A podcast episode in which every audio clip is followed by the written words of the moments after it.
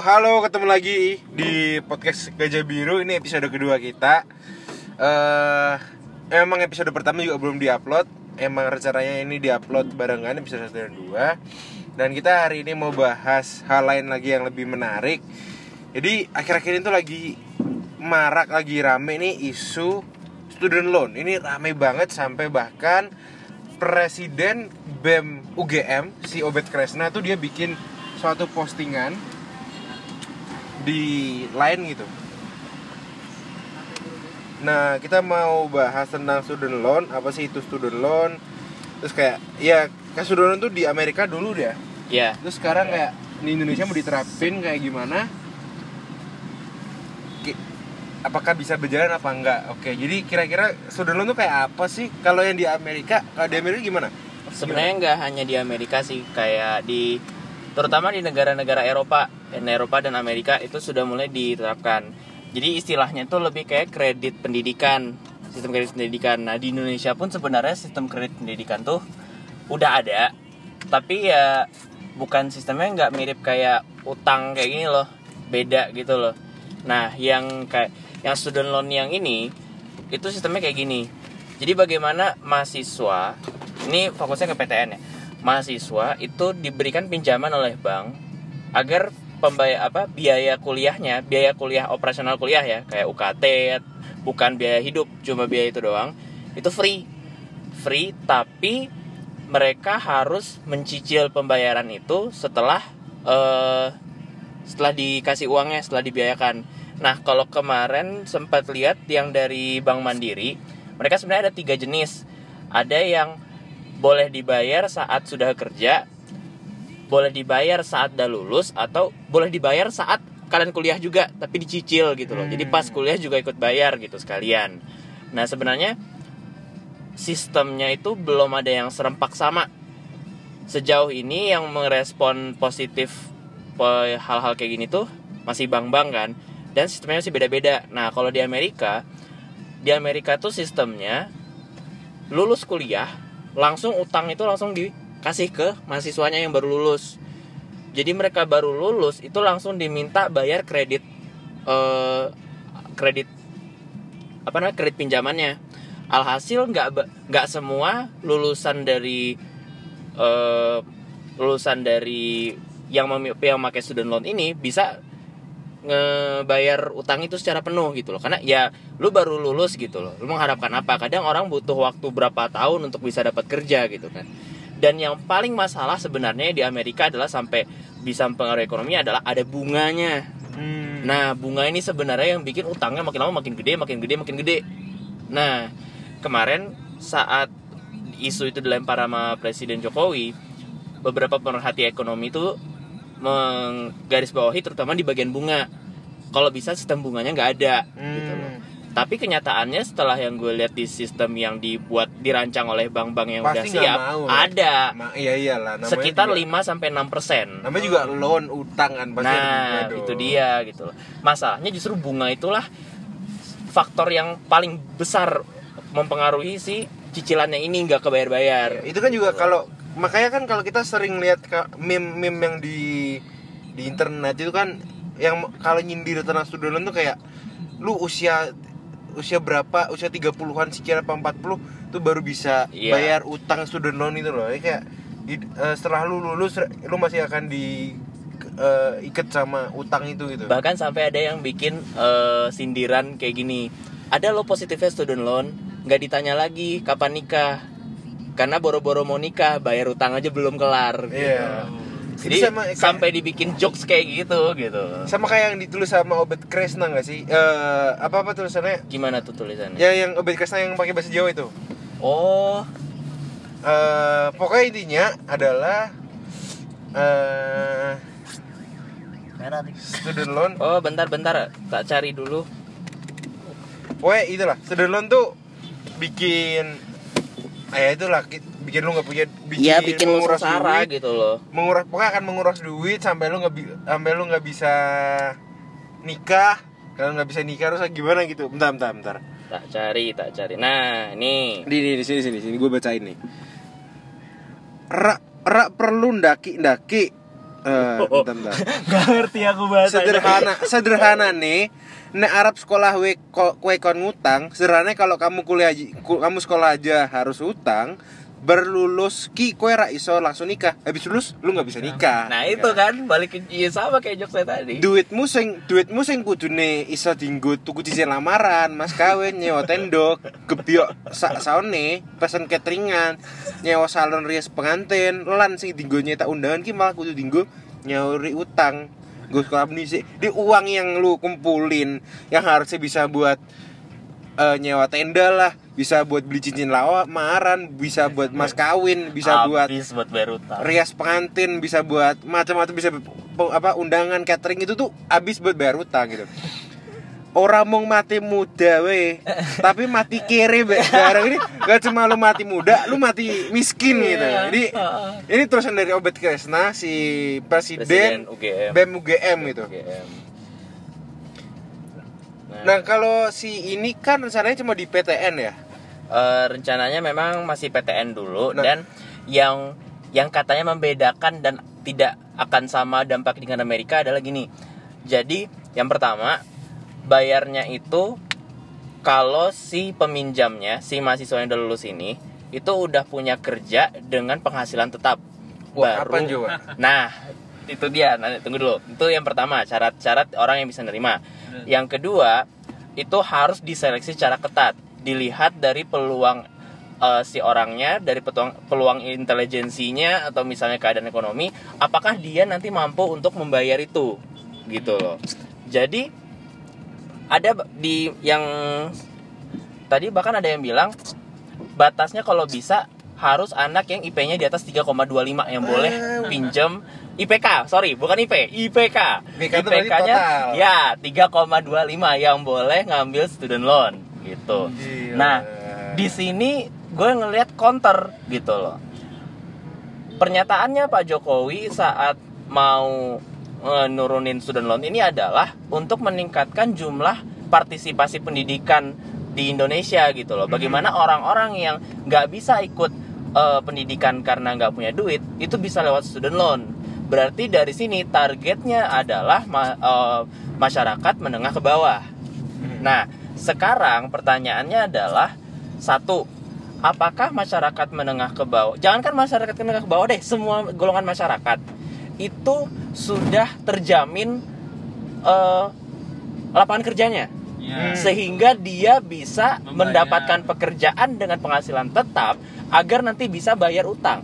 Oke dia dapat kerja, yang nggak dapat kerja kapan mau bayar? nah karena nggak semua lulusan universitas itu terjamin bahwa bakal dapat Ya, kerja. apalagi sekarang tuh per, oke dulu tuh permintaan SMA lulus bisa kerja lah ya. Nah. Sekarang minta S1 lulus bisa bisa S1 lulus baru bisa daftar. Heeh. Tapi bahkan sekarang tren tuh minimal mintanya harus S2 apa Nah, lebih enggak? Ya enggak Coba berarti udah S1 student loan, S2 student loan, utangnya makin banyak, terus kerjanya belum tentu dapat. Nah, Aduh. gimana gitu loh. Nah, sebenarnya sistem kredit ini pernah di di Indonesia tuh ternyata pernah sih? Oh, pernah ada di tahun Indonesia? 80-an. Dan Oke. salah satu penerimanya itu mungkin udah banyak yang baca juga di artikel berita kali ya. Itu Menteri Riset dan Teknologi kita, Pak Muhammad Nasir. Oh, Pak Nasir. Pak Nasir itu adalah salah satu orang yang merasakan kebijakan stud- istilahnya student loan ini kreditan tahun 80-an ini. Zamannya Pak Harto berarti ya? Zaman Pak Harto. Nah, Pak Nasir ini sendiri mengakui saya berhasil membayarnya gitu. Setelah saya bekerja 2 tahun gitu loh. Saya berhasil. Tapi Ya. kalau tapi sistem ini punya kelemahan. Banyak yang nggak bayar. Pak Nasir sendiri mengakui gitu loh. Banyak yang nggak bayar. Nah, waktu itu eh, kebijakannya apa? Kalau misalnya nggak bayar, ijazahnya ditahan. Hmm. Nah, Mhm. tapi orang-orang zaman itu nggak peduli punya ijazah atau enggak. Yang penting buat dia adalah fotokopi ijazah terlegalisir udah. ya udah gitu loh. Mereka udah dapat itu, sabodo yang ijazahnya mau di mau mereka di apa namanya ditahan atau enggak. Toh gue udah bisa kerja dengan fotokopi ini gitu. Ya sama aja bohong dong. Gitu loh. Orang butuh itu habis itu ya udah gitu. Jadi nggak nggak berdampak gitu. Penahanan ijazah itu nggak berdampak gitu. Jadi memang butuh apa ya untuk perancangan jadi kan sistem student loan ini kan juga masih dikaji ya istilahnya ya jadi banyak pertimbangan-pertimbangan yang harus yang nggak boleh luput dilihat oleh pemerintah gitu loh karena banyak sebenarnya kalau yang gue lihat minusnya tuh banyak gitu loh terus sat- satu lagi eh, Pak Presiden kenapa pengen student loan ini dia tuh pengen bagaimana kebiasaan konsumtif masyarakat Indonesia dengan berhutang dan kredit Mhm. itu dialihkan ke hal yang positif Oh, seperti pendidikan oke, gitu oke. loh. Dari Jadi daripada ngutang beli motor, mending lu utang buat kuliah. Nah, itu, Ya kan? gitu loh. Nah, itu menurut gue apa ya? Bukannya menjawab permasalahan, tapi lu menjawab satu permasalahan A dengan permasalahan B. Oke. Gini, yang namanya berhutang, ya, itu nggak di mana-mana ya di di walaupun gue nggak banyak belajar ekonomi gitu terakhir ya SMA kelas 1 gitu kan tapi itu suatu hal yang sebaiknya dihindari gitu loh Mhm, karena utang ya. hutang itu ibaratnya suatu hal yang bakal mengejar lu terus gitu loh dan kebiasaannya adalah orang selalu menunda. Ketika menunda hal itu utang itu malah makin Bertambah. makin bertambah gitu loh. Bunga kan karena Bung, iya karena ada bunganya gitu kan. Nah kalau mis seharusnya kalau mau kayak gitu justru kebiasaan berhutang ini yang dikikis bukannya malah dimanfaatkan gitu loh.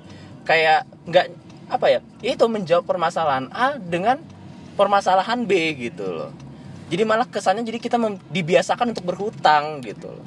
Lah kan nggak bener gitu loh. Lalu apa hubungannya? Lalu bagaimana dengan orang rencana dia yang katanya mau merevolusi mental masyarakat Indonesia gitu loh. Mau merevolusi mental dengan cara apa? Membiasakan kita berhutang kan nggak lucu gitu loh. Dan apalagi di ranah pendidikan ranah yang luar biasa apa ya? Luar biasa Krusial vital iya. vital banget. Kalau misalnya kita tarik hampir semua permasalahan di Indonesia itu ujung-ujungnya balik lagi ke pendidikan manusia karakter gitu loh.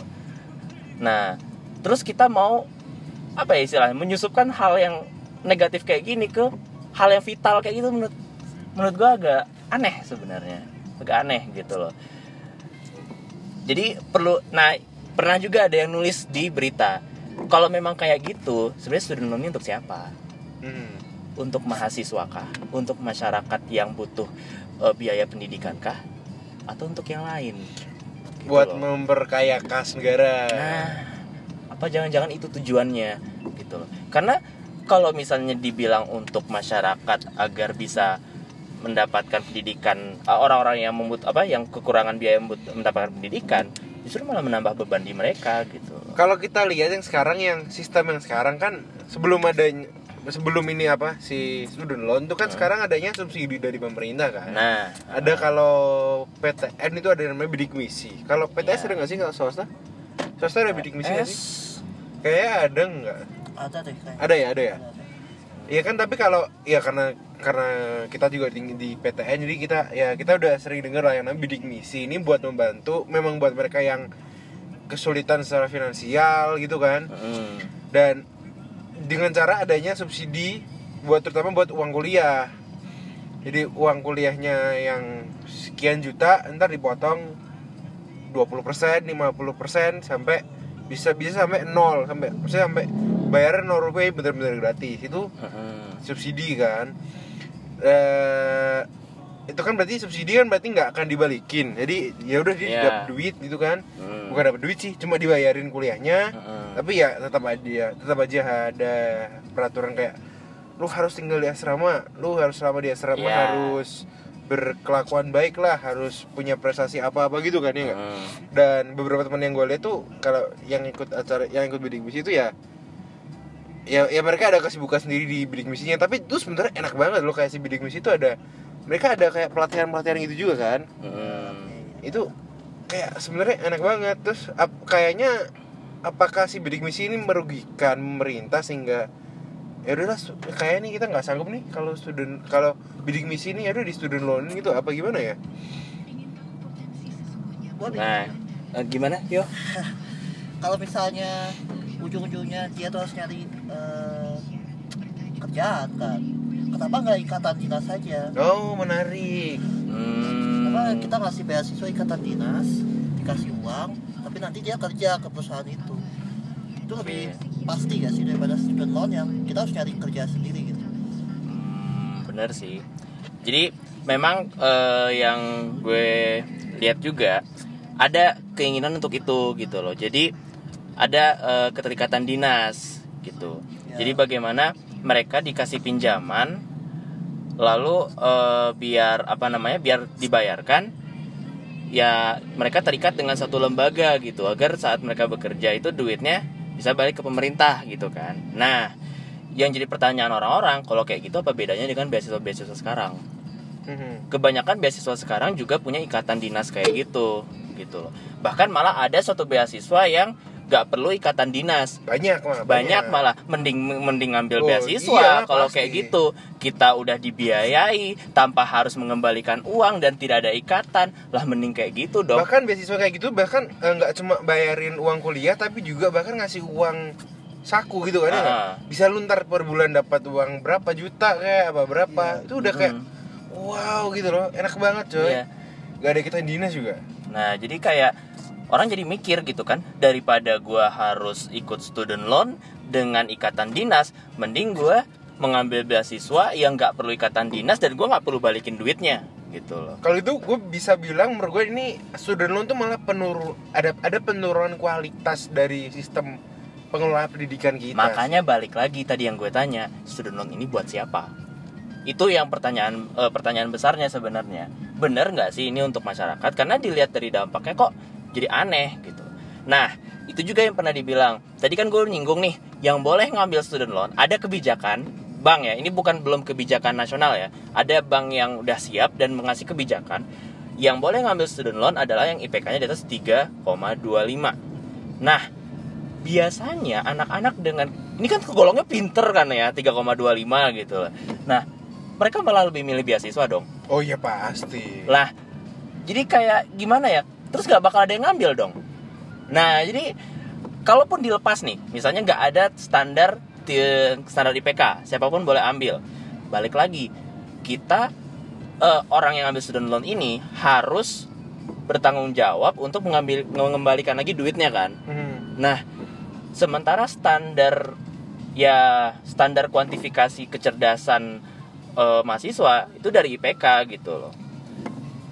Bagaimana dengan anak-anak student loan yang maaf ya, mungkin eh, hasil pendidikannya itu kurang gitu loh. Dia lulus tapi kurang dan akhirnya kemampuan bersaingnya nanti di dunia kerja itu malah jadi lebih sedikit gitu loh. Mhm. Melawan anak-anak yang IPK-nya tinggi gitu Mhm. dia udah ngambil student loan, udah ada utang di pundaknya, tapi bersaing kerjanya gagal gitu loh. Jadi emang butuh gitu penyeleksian. Nah, tapi kalau dengan penyeleksiannya kayak gitu, orang malah lebih milih beasiswa kan jadi aneh gitu, serba salah gitu loh. Mending gua nggak ngambil student loan sekalian gitu kan. Kalau gitu menurut gua harusnya si student loan ini seleksinya nggak seleksi nilai sih, tapi seleksi ke status finansial. sih. Menurut gua lah ya. Kalau memang tujuannya emang ini bener-bener mau diterapin gitu kan. Kan lu nggak nggak mungkin ngasih si student loan buat yang yang bener-bener nggak mampu kan. Hmm. Yang pasti menurut gua buat yang kelas menengah lah, yang pasti Nah, itu dia. mereka tuh sebenarnya bisa tapi ya ngepas lah baru baru itu sedangkan kalau ya mereka yang udah finansialnya finansialnya buruk dulu kasih student loan terus mungkin juga mereka akses buat yang lain juga susah gitu kan Mm-mm. udah hidupnya berat tambah berat lagi Masalahnya itu fokus yang diinginkan pemerintah adalah untuk masyarakat menengah ke bawah Wah. agar jumlah partisipasi pendidikannya tinggi.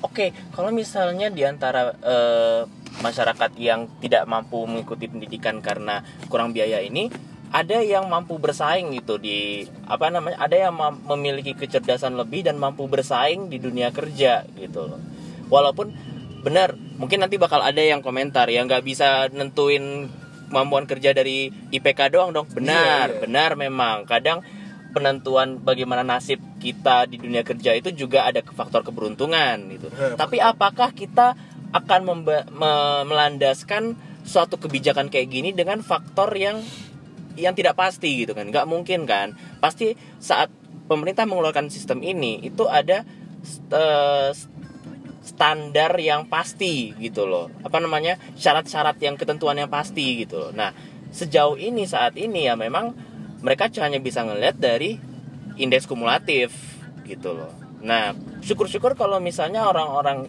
yang mengambil student loan ini memiliki indeks kumulatif yang baik sehingga mampu bersaing lebih baik di dunia kerja sehingga bisa ngebayar gitu loh.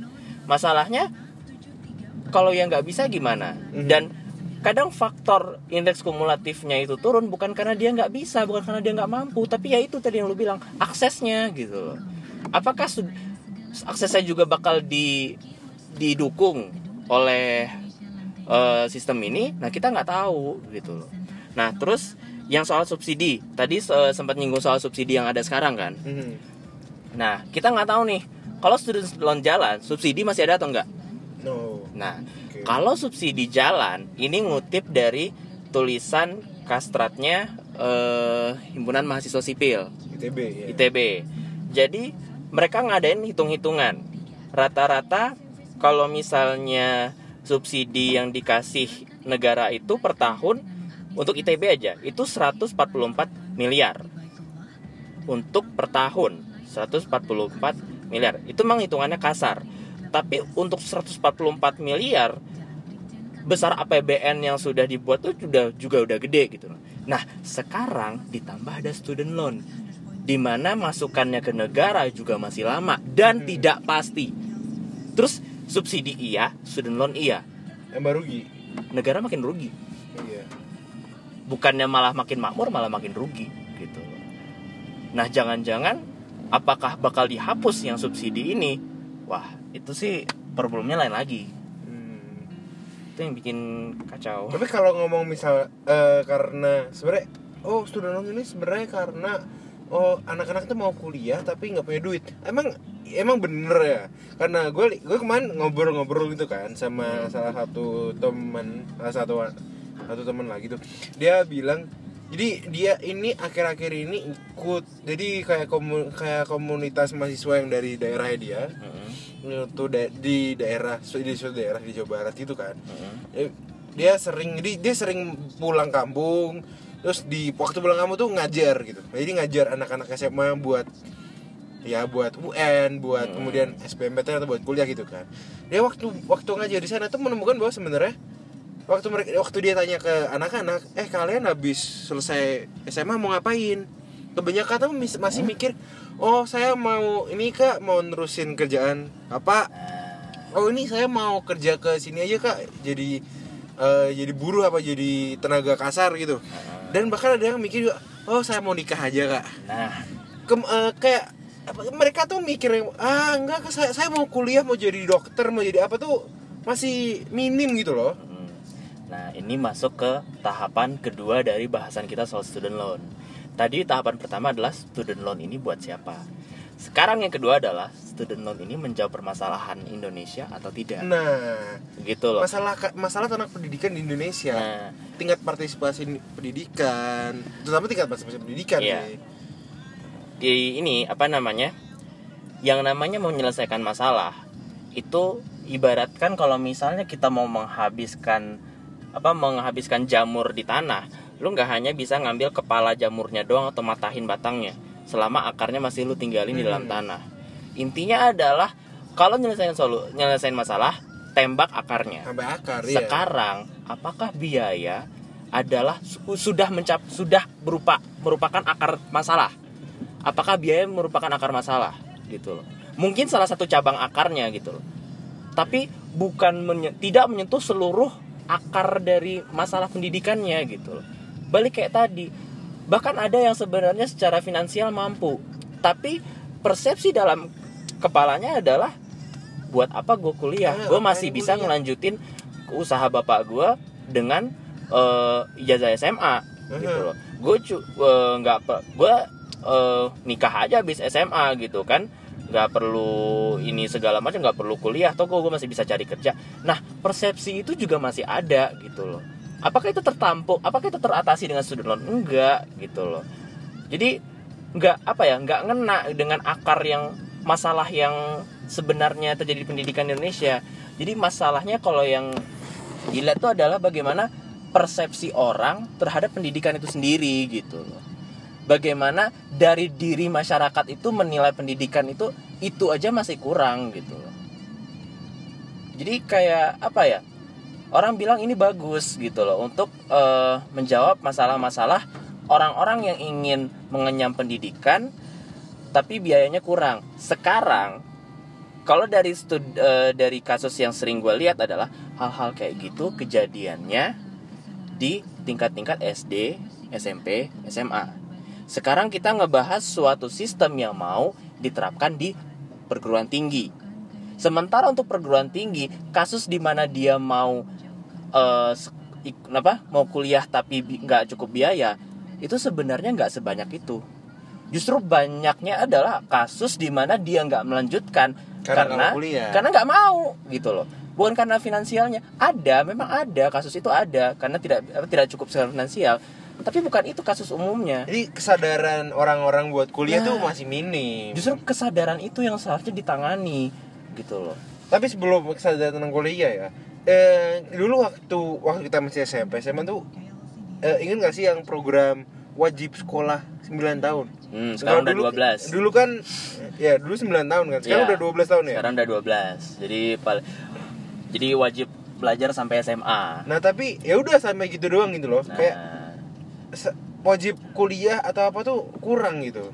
Dan misal kalau misal nggak memutuskan buat nggak kuliah, eh, upaya dari pemerintah buat menanggung buat en, apa kayak menaikkan meningkatkan kemampuan mereka, menaikkan ilmu mereka tuh itu yang gue lihat ada gitu. belum belum ada belum gitu. ada ya kan? belum ada gitu mungkin ada ya eh, gue belum lihat-lihat lagi tapi sejauh yang gue lihat tidak ada belum ada dampak yang signifikan gitu loh angka angka kesadaran untuk perguruan tinggi kita tuh masih kecil gitu loh dibandingkan nggak saja jauh negara-negara tetangga kita sendiri gitu loh masih jauh gitu loh.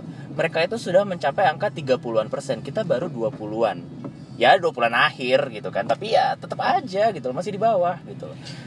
Nah itu menurut gue tidak bisa ditanggulangi dengan pembiayaan kayak gitu gitu loh.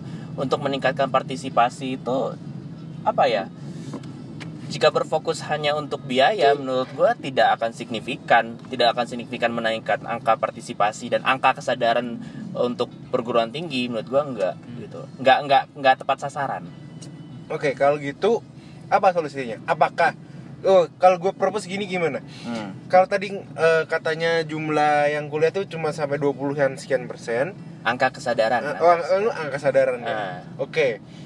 Gue nggak tahu sih kalau yang jumlah eh, jumlah perguruan tinggi dibanding eh, maksudnya jumlah mahasiswa yang bisa ditamu sama perguruan tinggi dibanding sama jumlah usia yang harusnya kuliah sekarang tuh sampai berapa sih? Wah kalau itu jujur belum sempet riset. Gue nggak berani ngomong karena belum dapet data perbandingannya ya. Cuma Gini permasalahannya itu bukan Bukan jumlah dulu. Tapi kualitas yang ada Yang udah ada Itu juga harus Itu yang lebih diperhatikan gitu loh Gak usah terlalu mikirin jumlah universitas yang ada Kalau misalnya kualitasnya udah rata dan bagus Mereka bisa dengan mengatasi dengan apa? Buka kelas dengan jumlah yang lebih banyak. Hmm. Nggak perlu buka universitas-universitas lain gitu loh. Selama universitas yang udah ada ini aja kualitasnya udah merata, udah bagus gitu kan. Ya mainkan saja di jumlah kelas sebenarnya dan mereka berhasil bisa berani buka kelas lebih banyak karena ya kualitas gue udah bagus, udah terbukti gitu. Masalahnya yang ada sekarang aja belum merata gitu loh. Kita kalau misalnya nyebut yang bagus ya itu itu lagi gitu loh. Ini itu lagi itu lagi dan masih kebanyakan PTN. Alhamdulillah akhir-akhir ini PTS sudah mulai naik gitu loh. Nama nama perguruan tinggi swasta itu sudah mulai naik, eh, udah mulai apa ya? semakin baik gitu kualitasnya gitu kan. Udah ada yang mumpuni juga PTS ini gitu kan. Nah, jadi kalau menurut gue soal kesadaran perguruan tinggi itu sebenarnya nggak bisa pas udah mau masuk perguruan tingginya. Tapi dari awal saat lu menginjakan kaki lu di bangku sekolah gitu loh. Kesadaran itu udah harus dibangun sejak awal gitu loh. Bagaimana penanaman kebutuhan gue butuh untuk belajar. Gue butuh untuk mendapatkan pendidikan. Itu harus dari awal. Dan itu nggak cukup hanya dulu jejelin ke si anak tapi bagaimana pembentukan karakter orang tuanya itu juga Nah, penting Bener-bener. kalau misalnya anaknya merasa gue butuh pendidikan gitu loh gue butuh selesai sampai minimal S1 gitu loh tapi orang tuanya merasa ah udah SMP aja Udah, cukup usah, iya, udah dulu. sampai SMA aja cukup Iya, ya iya, down iya. lah anak gitu Ya kan kan, udah nggak nggak usah nak ini bapak dulu aja sampai SMA nih sekarang udah bisa Iya. gitu iya itu itu penting gitu loh. karena mau nggak apa ya bukti di lapangan menunjukkan jangankan SMA gitu loh S1 yang istilahnya lu dewasa muda itu masih banyak yang tergantung dengan ini ini apa keinginan dan keputusan orang tua Iya. gitu. Mungkin yang benar-benar freedomnya kerasa banget tuh pas sudah S2 S3 gitu. S1 tuh masih banyak yang ya gue pun masih gitu loh. Biaya juga masih dari orang tua segala macam gitu loh. Jadi apa ya faktor orang tua tuh juga penting gitu jadi kalau memang mau nembak akar ya balik lagi sebenarnya pendidikan karakter gitu loh pendidikan Enggak, tapi eh, kalau ngomong tentang yang masa kualitas, peningkatan kualitas dibanding kuantitas ya. Gue jadi inget dulu tuh ada berita bahwa pemerintah mau membuka lebih banyak fakultas kedokteran. wah ini Sedangkan- ini udah agak jauh dari bahasan sebenarnya nih Ya. Sedangkan apa kayak apa eh iya fakultas kedokteran yang sekarang tuh apa namanya? Ya udah banyak coy. Dan Hmm. berarti kan harapannya kan semakin banyak orang jadi dokter kan. Hmm. Sudah. Terus kalau semua orang jadi dokter terus kayak ya yang, yang lain gimana gitu Nah kan? itu jadi memang ya sebenarnya balik juga sih ke yang student loan tadi perencanaan pendidikan di negara kita tuh masih ya nggak belum baik gitu loh mereka istilahnya tuh belum mungkin udah ada ya yang menemuk yang tahu bahwa akar masalah pendidikan di Indonesia itu apa gitu kan. Tapi tindakan untuk menyelesaikannya itu gitu loh. Karena ya balik lagi eh politik itu banyak tunggangannya. Jadi keputusan yang dibuat pun juga banyak tunggangannya gitu loh. Kita kalau kita berpikir idealis sekali kita udah nemu akarnya apa langsung kita tembak gitu kan. Nah gue merasa gak mungkin lah orang-orang ahli orang-orang pintar di pemerintah itu nggak ngerti gitu loh akar permasalahan pendidikan di Indonesia itu apa gitu loh. Kita punya banyak ahli pendidikan di Indonesia gitu loh. Nggak mungkin lah mereka kayak nggak paham sebenarnya akarnya apa. Tapi kok yang ditembak sekarang bukan itu gitu loh. Student loan itu yang kok nggak nembak akarnya gitu loh. Kok kebijakan yang disiapkan oleh pemerintah tuh nggak nembak gitu loh. Ya itu sebenarnya susah gitu loh kayak gini aja waktu kuliah kemarin gitu kan. Eh, kuliah akustik. Jadi eh, pak dosennya tuh cerita ada dua jenis bangunan. Bangunan tinggi yang mengandalkan goyang bangunan untuk jika ada gempa sama yang mengandalkan pendulum. Terus gue nanya pak kenapa jarang ada bangunan yang pakai pendulum? Gitu loh. Iya. padahal kayaknya lebih kalau dari estetika lebih cakep gitu kan dan perambatannya bagus dan dari luar pun kelihatannya nggak menakutkan gitu loh. Kayak Hmm. gedungnya nggak harus goyang cukup pendulumnya aja gitu. Iya iya iya. bapaknya bilang apa? Ya budget nak gitu kan. Apa ya? Eh ada kepentingan-kepentingan gitu loh. Kepentingannya apa? Gue nggak mau ngeluarin duit terlalu banyak hanya buat bikin pendulum doang gitu loh. Padahal mungkin mungkin ya gue nggak nggak tahu. Mungkin pendulum lebih baik gitu loh daripada membiarkan gedungnya goyang gitu gue nggak tahu gitu kan. Tapi ya itu setiap keputusan yang dibuat itu punya tanggung punya punya apa ya tunggangan tersendiri yang nggak bisa lu abaikan gitu. Loh nah balik lagi student loan ini juga menurut gue apa ya keputusan yang tidak tepat tidak mengenai akar dan takutnya dikeluarkan bukan untuk men, apa menembak akarnya gitu loh tapi ada hal lain gitu loh kenapa student loan ini yang dibawa gitu loh karena aneh aja tidak tidak kena tidak tepat sasaran Mhm. Oke jadi gua rasa ini udah kita udah dapet kesimpulannya di itu ya.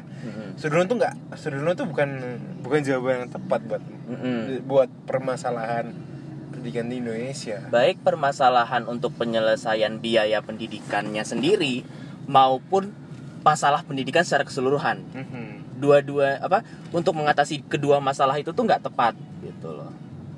Malah menimbulkan masalah problem yang baru gitu. Jadi mungkin sebaiknya coba apa ya bukan mal kalau saran gue malah udah bukan memikirkan peraturan apa yang cocok untuk diterapkan di student loan. Tapi student loan sendiri tolong di dilihat baik-baik gitu loh. Cocok nggak sih? Sesuai nggak sih dengan realita pendidikan di Indonesia gitu loh. Sesuai nggak? Apakah mengatasi masalah atau malah nyiptain yang baru gitu loh? Jangan malah membuat satu kebijakan yang apa ya malah bikin beban di belakang gitu loh. Gitu sih sebenarnya. Pokoknya gue sebenarnya percaya gitu Indonesia tuh punya banyak ahli yang paham gitu loh. Tapi bagaimana menjadikan itu melahirkan sebuah kebijakan itu memang susah gitu melahirkan suatu kebijakan yang tepat kena sasaran itu memang susah gitu. dan student loan ini belum belum mengenai sasarannya baik untuk mengatasi masalah biaya maupun masalah keseluruhan akar masalah pendidikannya tuh nggak kena sama sekali gitu sih Oke, mantap, mantap. Eh, tapi sebelum gue tutup ya, oke ngomong-ngomong tentang utang, ada yang pernah denger ini nggak? Swisindo. Itu apa tuh Swisindo. Pernah denger? Ada pernah denger nggak? Jadi Swisindo tuh kayak semacam cult, semacam cult tuh, cult tuh apa ya bahasanya ya? Cult CULT. Cult tuh kayak perkumpulan gitu kan. Oh, udah, cult, udah ya. kayak apa udah kayak aliran-aliran gitu. Gue nggak tahu sih aliran-aliran. Hmm. Tapi ini ini mungkin kalian bisa ngecek sendiri di apa namanya tadi Swisindo, Swiss, Swisindo. negara Swiss, Indo, ini digabung gitu kan. wow menarik Kalian coba ngecek, iya bener. Nah kalian coba ngecek ke YouTube-nya Vice Indonesia. Jadi Vice Indonesia ini bikin suatu suatu video tentang Swisindo. Jadi Hmm. Swisindo ini mengaku-ngaku dia bisa menghapuskan hutang semua orang. Jadi jadi dia bilang bahwa in- apa Indonesia tuh harusnya nggak punya utang karena kita punya emas segunung atau gimana gitu peninggalan dari zaman kerajaan mana dan Hmm. si pendirinya itu dikasih Oh. dikasih jadi kayak dikasih kunci untuk membuka ya gitu gitulah ya mungkin ya mungkin ya emang student loan ini tuh buat menantang si Swi- Swiss Indo sih jadi oh pak ini katanya Swiss Indo mau ngelunasin utang ya udah nggak apa-apa kita student loanin aja gitu eh kalau untuk hubungannya mesti kita lihat lebih lanjut Oke, sih itu. jadi ya ya itu nggak tahu sih. Ya itu ya intermezzo lah ya. Mm-mm. Oke. eh, jadi sekian dulu episode kedua kita. Eh sama kalau misalnya ada saran dan misalnya kritik atau misalnya ada yang gak setuju boleh banget sih kayak Nah, oke. dikasih- ya mau diskusi ayo banget buat kalian yang punya punya masukan, punya kritik, punya saran, punya pertanyaan bisa banget kontak ke kita. Kita udah punya email sekarang. Bisa email langsung ke podcast Gajah Biru di ke, itu digabung semua at gmail.com podcast gajah biru at gmail.com langsung aja kirim eh, tentang apa eh, apakah perlu di kita bahas di podcast ini atau mau kita balas lewat email aja. Hmm. pokoknya kita kita seneng banget kalau ada yang menanggapi ada yang mau bertanya. Karena di sini kita juga masih belajar gitu kan. Ya pokoknya kita open to any discussion. Kalau ada yang mau ngasih kritik saran tentang gimana kita rekaman juga atau gimana bisa juga kasih tahu aja langsung. Oke Oke, jadi sekian dari episode kedua. Tungguin episode-episode selanjutnya dari kita. Oke, thank you. Bye. thank you